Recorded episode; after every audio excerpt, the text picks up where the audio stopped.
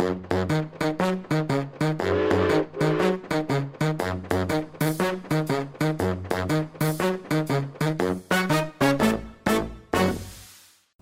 jeg den utsøkte glede å ønske alle lytterne våre eh, velkommen tilbake til en ny episode i eh, podkasten Ekspedert.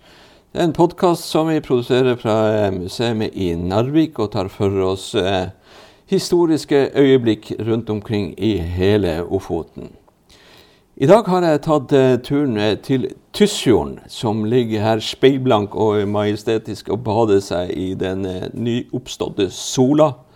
Eh, Tysfjorden har ei helt fantastisk bergverkshistorie som eh, vi har vært inne på. Den har også ei eldre historie som går svært langt tilbake i tida. I dag eh, har jeg lyst til å stikke eh, ørene langt inn under berget. Og for å hjelpe oss eh, med den geologiske utviklinga som har skjedd her i området, så har jeg invitert han eh, Torbjørn Storskjær i studio. Velkommen til oss, Torbjørn. Jo, takk skal du ha. Og velkommen til Tysfjorden. Eh, alltid eh, veldig hyggelig å komme til Tysfjorden. Jeg stortrives her. Kan du si litt om deg sjøl, Torbjørn? Hva er det du driver på med sånn til daglig? Ja, som sagt, eh, mitt navn er Torbjørn Storskjær. Og jeg, eh, til daglig så har jeg stort sett jobba sammenhengende i Nordsjøen siden i eh, 77 og fram til for en par år siden da jeg gikk av med pensjon. Og hatt veldig mye med geologi og gjort med, i forbindelse med boringa i Nordsjøen. Og samtidig så har jeg vært levende interessert i geologi og landskapsdannelse i hele min oppvekst fra guttungedagene, nær sagt, og eh, fram til i dag. Og det starta vel egentlig med det at jeg er oppvokst i Rana, og Rana har veldig mye grotter å gå i. Og jeg ble veldig tidlig dratt med inn i Grønligrotta og de her mer kjente grottesystemene i Rana. Vi skal, eh, vi skal, som sagt stikke ørene eh, godt ned under jorda. Vi skal inn i det innerste av det indre og det eldste av det eldste. Du snakka om eh, grottene i Rana. Rana er jo også kjent for å være en bergverkskommune med bergverksindustri på lik linje med både Kjøpsvik og, og Ballangen og Kiruna. Um, har vi del, noen grottes eh, her i Tysfjorden at du har tatt med deg de her opplevelsene fra din ungdom med deg hittil? Ja da, det har vi. Og uh, vi har uh, ganske unike grotter her i Tysfjorden i forhold til hvis vi ser både på eh, landsbasis og det samme eh, hvis vi ser på verdenssammenhengen òg, så er det veldig unikt, de tingene som er funnet i, i Tysfjorden. Og det har jeg hatt lyst til at uh, flere kunne få lov til å, å uh, oppleve og få informasjon om. Ja, du skal jo i hvert fall høre om det. Ja. Så om uh, det er verdt turen rent fysisk inn i de her hulene og grottene dine, det, det, det, det, får jo hver enkelt vurdere. Uh, selvfølgelig uh, alt som er i Tysfjorden er unikt. Og også grottene. Har, hva de heter, hvor, hvor, du kan finne de grottene rundt omkring her i, i fjordsystemene? For at ei grotte skal bli danna i det hele tatt, så må vi ha en sammensetning av kalkfjell. Og det kalkfjellet må være lettoppløselig. Det vil si at CO2-en må kan løse opp fjellet. Og starten med det at ei grotte dannes, det er det at vi har sprekkeformasjoner i kalkfjellet når fjellet har heva seg og blir trykt ned ut fra de istidene vi har hatt. Og vann som er i mellom to til fire grader, absorberer mest CO2. Og det tar det da fra atmosfæren og fra lufta. Og når dette her kommer rennende, og da inn i de sprekkene som er i kalken, så etser det eller løser opp kalken og fører kalken ut. Og når sprekken da er utvida nok stor, så begynner elva eller vannet begynner å føre med seg sand, stein og grus, og så får du da en slitasjeerosjon inne i kalkfjellet, som da setter en enda større tæringsgrunnlag. Og på den måten så er det blitt danna grotte. Og dermed så har vi den største konsentrasjonen av grotter i Norge. Det er i nordre delen av Trøndelag fylke og hele Nordland fylke og oppover til en del av Troms. Og det følger den samme kalksteinsryggen som vi har i, i eh, fjellkjeda mellom Sverige og Norge. Og denne kalksteinen den er jo gammel havbunn som er trykt i hop og forma inn i fjellet fra gammelt av. Så, så, det er i det her området du snakker om, altså Nordland og, og, eller fra Trøndelag osv. nordover, så er det mye kalkholdig i grunnen som er danna? Ja, du kan si at den ligger nesten som en slange som bukter seg inni fjellet. Noen plasser kommer den i dagen, og noen plasser så er den trykt ned i dybda. Men den er stort sett sammenhengende fra nordre delen, eller fra Verdalen og nordover eh, til Indre Troms. Vi har jo like uti her på Hundholmen har vi jo et gammelt eh, gruvesamfunn med kalk og feltspatt som ble tatt ut der. Vi har uh, sementfabrikken inne i Tysfjorden. Er det sammenheng med denne kalksteinåra og de bergverksanleggsaktiviteten uh, som har vært og enda er her? Ja, du kan si at eh, Norcem tar jo kalken ut fra denne kalksteinsåra som vi snakka om. Og den samme kalksteinsåra er jo dolomitten i Ballangen. Og vi har eh, oppe i Troms har vel også vært eh, litt grann at de har tatt ut Jeg tror det er jordbrukskalk tilbake i tid så de har tatt ut og, og malt. Men der skal jeg være litt eh, eh, forsiktig å uttale meg om. Det er bare sånt som jeg har fått hørt gjennom historien. Ja, jeg er litt opptatt i den historiefortellinga vi gjør på museet rundt, rundt bergverksvirksomheter som har vært nevnt. at du har eh, både nede i Rana, på Mo kanskje, og der er det jo da en del bergverksvirksomhet. Vi har lenger sørover i Vefsn i Mosjøen, der de tar ut en del, og Sulis, og, og her i området. Så det, det henger i hop med den eh, eldre geologien at det er muligheter å finne drivverdige mineraler i denne åra du snakker om. Ja. Kalkstein er ganske ren hele veien. Det er bare at han er av forskjellige eh, beskaffenhet. Og det er det at noen plasser er han gått over til marmor og er tungtoppløselig. Der vil det ikke bli grotte på den måten som der du har eh, ja, vi kan si reinkalk. da. Eh, og når han har blitt marmor, så er det det at han har blitt trykt ned i, i dybda inn mot Eh, den varme kjernen vi har i jordskorpa. Samtidig så er det under høyt trykk. Og så er dette her etter eh, tusenvis av år så er dette her blitt løfta til overflata igjen, og kalken er blitt avkjørt. Og på en måte det samme som skjer med stål, på en måte at han blir herda, og da blir kalken krystallinsk. Og da går han over til marmor istedenfor at vi har kalk, kan du si.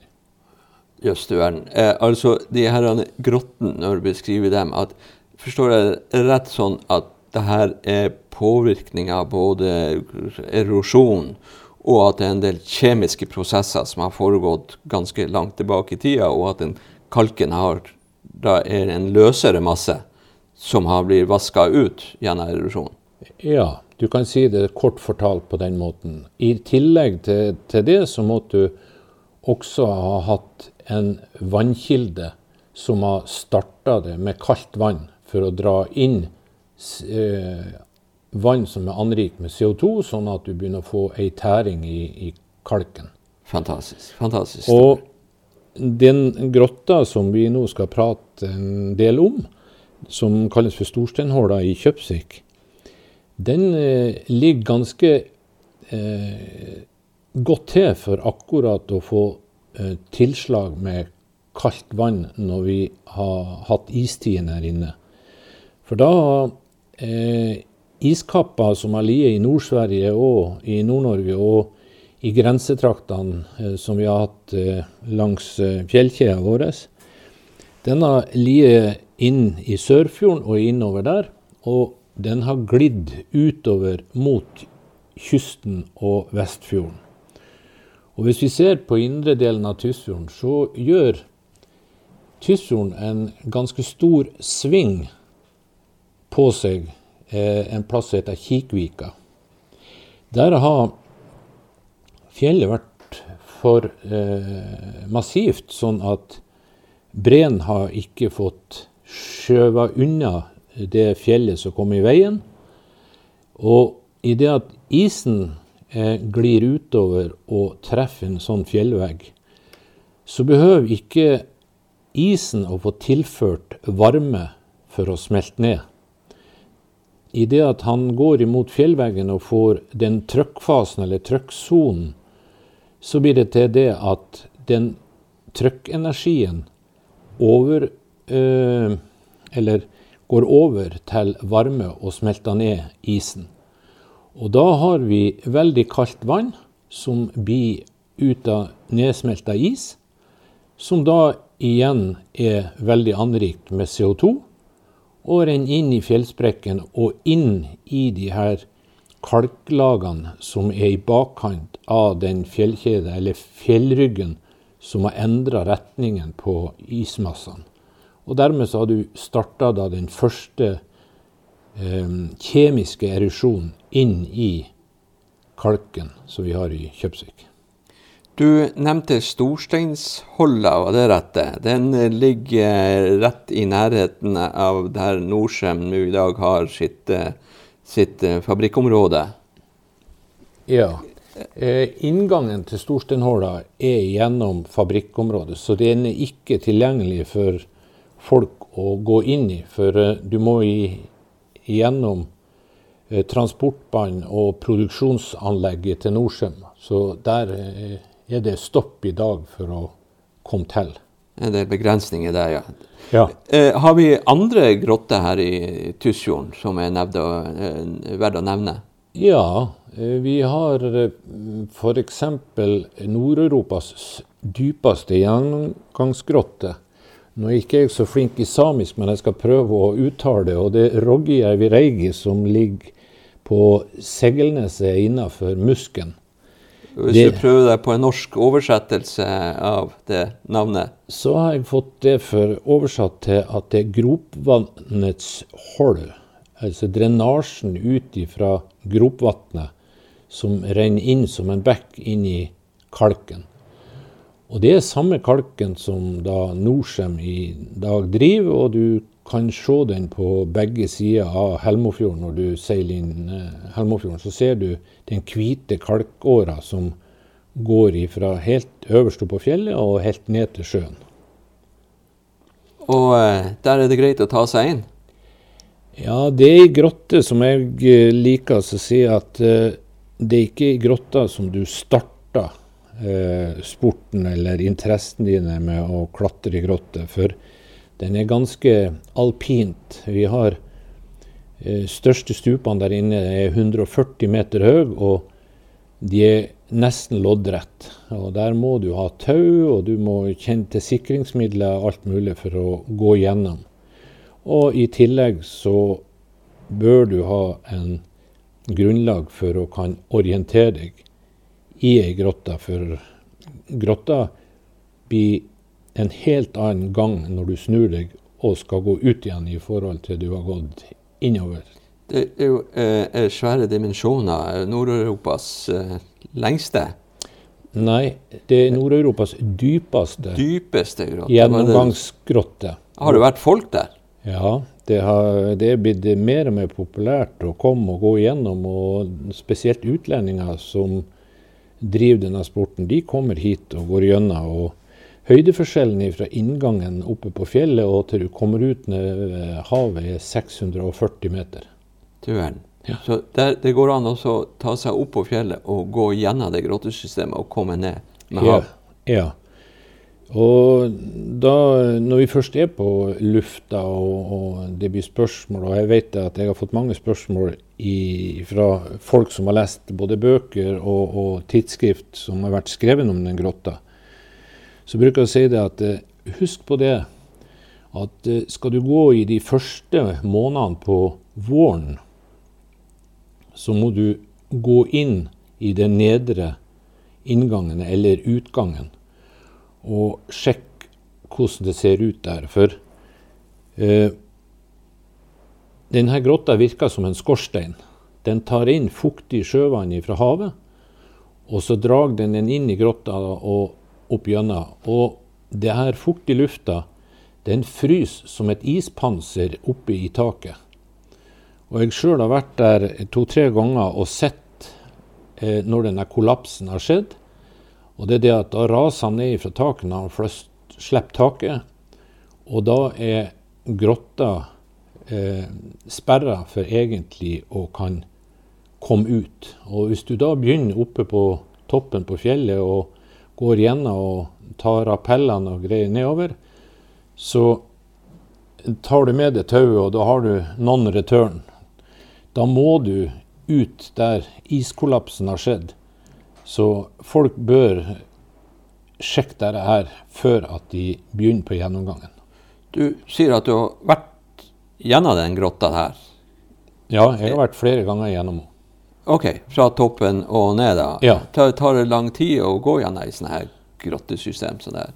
Jeg bruker å si det at eh, for at ikke bare å rushe gjennom, men du skal både oppleve grotta og du skal gjøre det sikkert, og det som er, så bruker jeg å si at eh, i mellom 12 til 15 timer kontinuerlig vandring fra du går inn opp på toppen til du er ute i bunnen. Du verden, det er jo en eh, drøy dagsmarsj, det vil jeg si.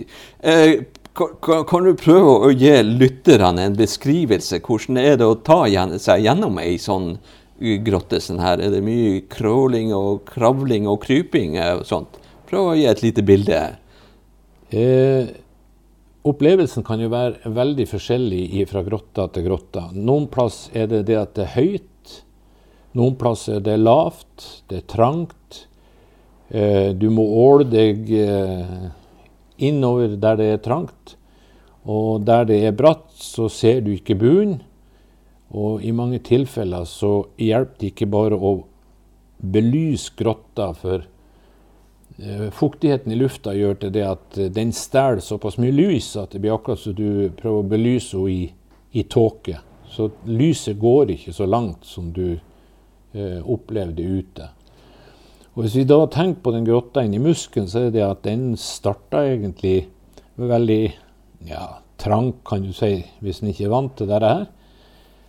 Og så skal du ikke så langt ned i gangene, og da begynner det å bli både bratt og høyt under taket. Inntil du kommer inn til det som vi kaller for storstupet.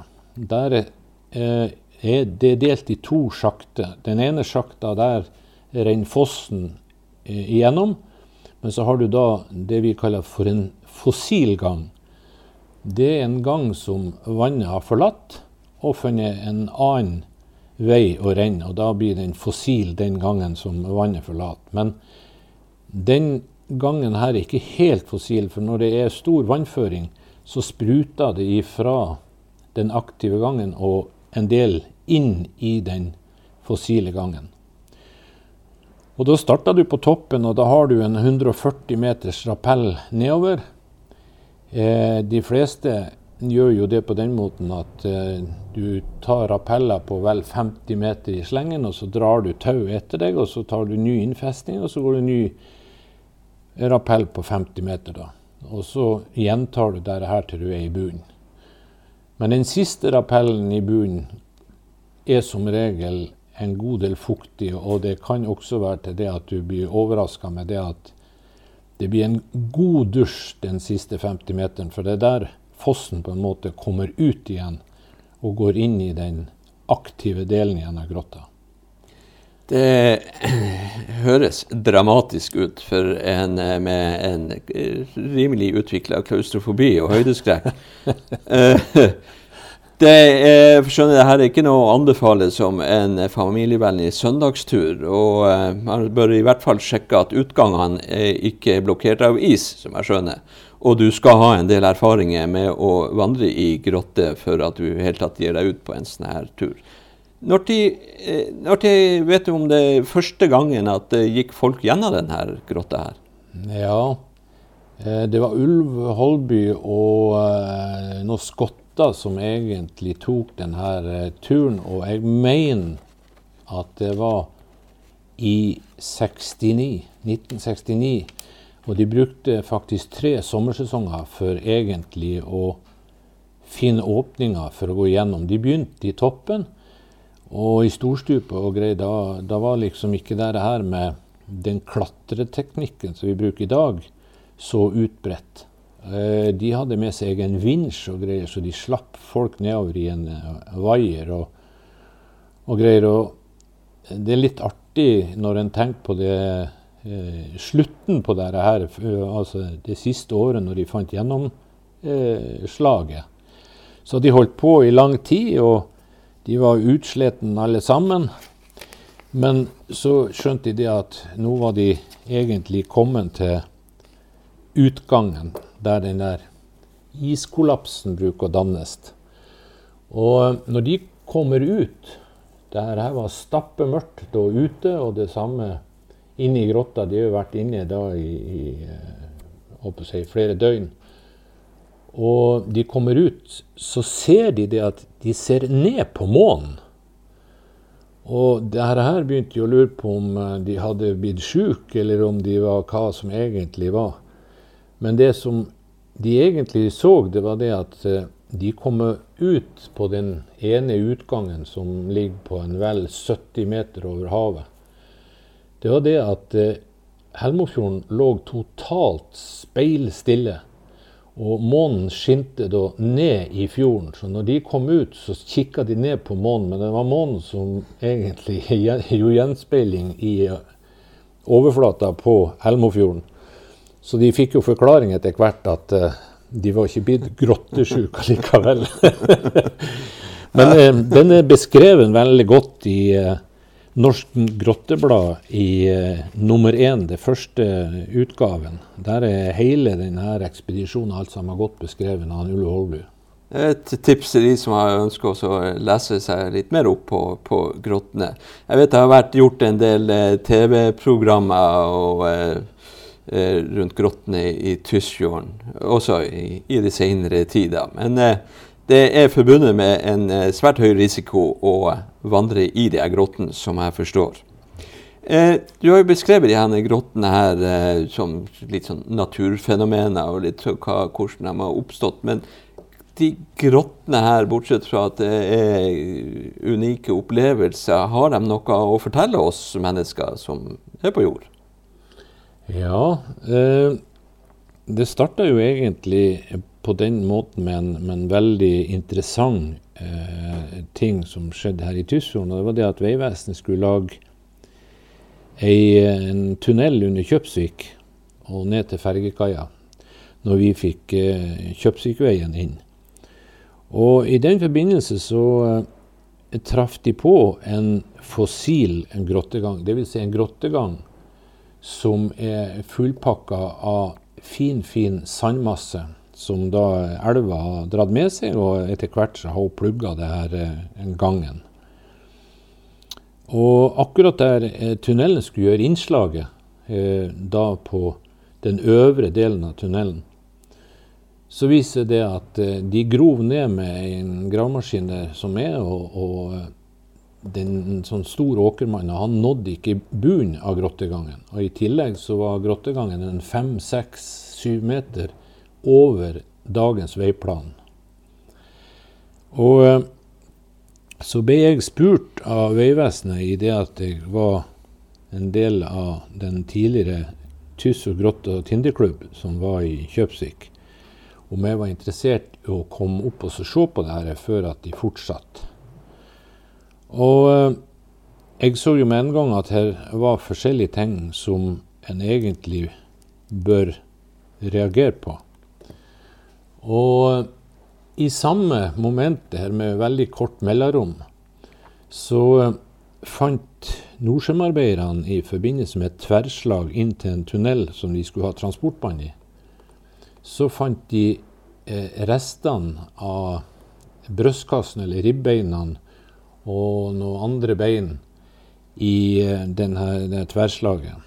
Og det viser seg at det var restene etter en isbjørn som var 115 000 år gammel.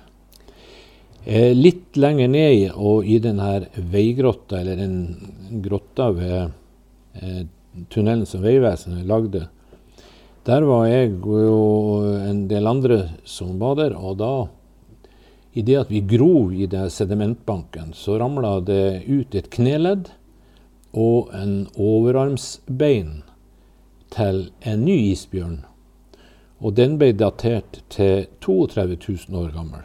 Så du sitter her altså overfor våre lyttere og påstår at det var isbjørn i gaten i Kjøpsvik? Ja, men det var ikke gatelys da. det, var, det var ikke gatelys. Du verden, hvordan, hvordan, i all verden finner man ut at det her er isbjørn, og hvordan i all verden finner man ut at det her er rester av 115 eh, 000 år gamle dyr?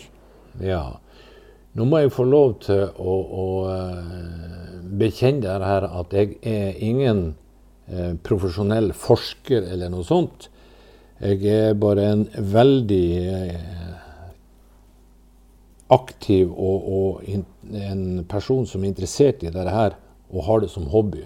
Men jeg har samla ganske mye litteratur og data og sånt ifra de her forskjellige grotteturene jeg har hatt, og samtidig de her funnene som er gjort i Kjøpsvik. For jeg ble litt engasjert i det, i det at han Stein Erik Lauritzen og forskningsteamet kom fra Universitetet i Bergen og opp her og, og var med på en litt videre utgravning.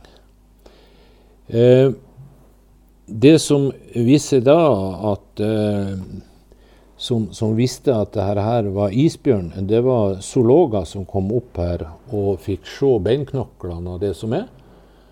Og det var ingen tvil om at dette her var isbjørn. Og samtidig så fant vi i grotta store mengder med noen små skjell som i dag også vi har uh, i havet. Men størrelsen av de her skjellene eh, de er avhengig av sjøvannstemperaturen som skjellene lever i. Og når vi tok målinger av de her skjellene og fant ut gjennomsnittsstørrelsen på skjellene, så ga det det svaret at eh, vi har hatt samme temperaturen i Tysfjord eh, som Svalbard hadde da for ca. 20 år tilbake i tid. Ikke de siste milde årene vi har hatt, men mm, da har vi hatt Svalbard-klima eh, i Tysfjord. Og i denne sammenhengen så fikk vi da eh, vite klima, og de tok dette inn til datering, og, og vi har fått en del svar på forskjellige ting som som var et stort spørsmål tidligere. Hvorfor er dette her danna? Og vi fikk jo også svar på det at dette har vært en tidligere strandsone i Tysfjord. Så da sto fjæra, kan du si, høyere enn Kjøpsvik sentrum står i dag. Kjøpsvik sentrum var egentlig ei langstrakt fjære etter tidevannet. Jeg har bladd litt i denne boka til han Sten Erik Lauritzen, som du snakka om, da, som er den, kan vi si, Norges kapasitet til å speleologi, som det nå er det vitenskapelige begrepet på sånn grotteforskere. Ja. Eh, det påstås her at det muligens ikke var noe siste istid her for 8 000-10 000 år siden i området rundt Tysfjorden. Nei, og jeg tror nok det at vi kan dra det ut og så si ikke bare Tysfjord, men kanskje sammenhengende i Ofotregionen at vi ikke har hatt den siste istida. Og hvorfor vi eh, jobber ut ifra den hypotesen, det er det at eh, vi fant eh, smågnagere som er avhengig av vegetasjon, og både tre og, og eh, lavtliggende eh, vegetasjon òg, som er datert til midt under den siste harde istida som vi hadde i Skandinavia. Og hvorfor at denne grønne lunga på en måte har vært i Ofoten, men vi har hatt eh, istida nord for oss, øst for oss og sør for oss, det har jeg ikke fått noe direkte svar for. Men de jobber ut ifra hypoteser for egentlig å kan besvare det. Går det altså an å finne ut mer om eh, tingenes tilstand for eh, såpass mange år siden som vi her snakker om? Eh, vi snakker om kanskje 10 000, 100 000 millioner av år siden de her systemene ble laga. Er vi ferdig med grottene nå, eller er det mulig å hente mer kunnskap og viten, viten ved å forske på grotten? Nei, ut ifra det som er funnet i Kjøpsvik, så kan vi egentlig si at de har bare vært og pirka litt i overflata. Og jeg snakka med Stein Erik her for en par-tre dager siden på telefon. Og da sa han det at eh, det var reist midler nå for eventuelt videre forskning av de her tingene i eh, det her lokka sedimentgrotta. Og grave ut. Og eh, det de er på jakt etter da, det er både pollen, for å se hvordan vegetasjon det er, eh, eventuelt dyrerester. Kan det være rester etter våre forfedre som er her? Og eh, dette er jo veldig interessant pga. det at det har vært en strandsone, og da er det større muligheter for at denne samlinga av eventuelt forfedrene våre har vært fangstfolk og jakta, og dermed så har vi hatt eh, mye aktivitet. Og det er akkurat i det som er i dag eh, munninga av grotta. Storsteinhåla ble jo oppdaga på en måte med det at Norsheim hadde et gammelt kalksteinsbrudd der som de sprengte hull i der her og den ble åpen. Og i dag så er jo den 650-670 meter lang fra der inngangen er i dag, og inn til bunnen. Og der ender den i en vannlås. Så grotta er mye, mye større enn det vi på en måte kan se uten å må svømme gjennom vannlås. Og Den tunnelen som du nevner, eh, nevnte i sted, er eh, der i isbjørn restene ble funnet, den er da den tunnelen som går fra rundkjøringa for Kjøpsvik og eh, til fergestedet. Og det er markert med en bauta der du kan se relieff av en isbjørn. Eh, så at lytterne kan kikke der. Men det er vanskelig å komme seg inn i noen av de gruttene. Og det er kanskje ikke å anbefale for hvermannsen å ta seg inn i noen som helst slags grotte. Det du sa her helt til slutt, Torbjørn, det tyder jo kanskje på at det blir en oppfølger ut av denne episoden. Um, vi skal avslutte uh, nå. Uh, søkkende interessant å uh, bli med deg en tur på i, i Ofotens underverden, for å si det sånn. takk skal du ha, Torbjørn. Er det noe du ville ha sagt helt til slutt? Ja, jeg vil legge inn noen få ord, og det er rundt det med sikkerheten med å gå i grotte. Og når en går inn, hvis en ikke har eh, erfaringer med det, så må en tenke på det at alt av masse i ei grotte er helt ustabilt. Vi er vant til å bevege oss i dagen og ute i terrenget. Der er jordmasser, der er stein og alt mulig sånt påvirka av nedbør og fått stabilisert seg. Nedbør via regn, eh, snø, eh, frost, tæler og alt mulig sånt. Og dette her har stabilisert massene. Men i ei grotte så kan dette ha eh, skjedd over 100, kanskje 1000 år, at vannstanden sakte, men sikkert har blitt lavere og lavere. Og grotta har aldri vært på påvirka av noen stabiliserende faktorer, verken av vind eller noen ting sånn, så ha det i tankene med tanke på sikkerheten. For redning i grotte med å ta og hjelpe folk ut er veldig tidkrevende. Det har vært med på eh, øvelse og redningsaksjoner tidligere, og det er forferdelig mye arbeid for å få ut folk. Ellers så får dere ha lykke til på turene hvis dere vil prøve dere. Da eh, takker vi Jan Torbjørn for ei fantastisk historie. Eh, kunnskapsrik og en liten advarende pekefinger til de som skal begynne å vase seg inn i grottene. Tusen takk, Torbjørn Storskjær, og tusen takk til alle dere lyttere som eh, ville høre på denne episoden av podkasten Ekspedert. På gjenhør.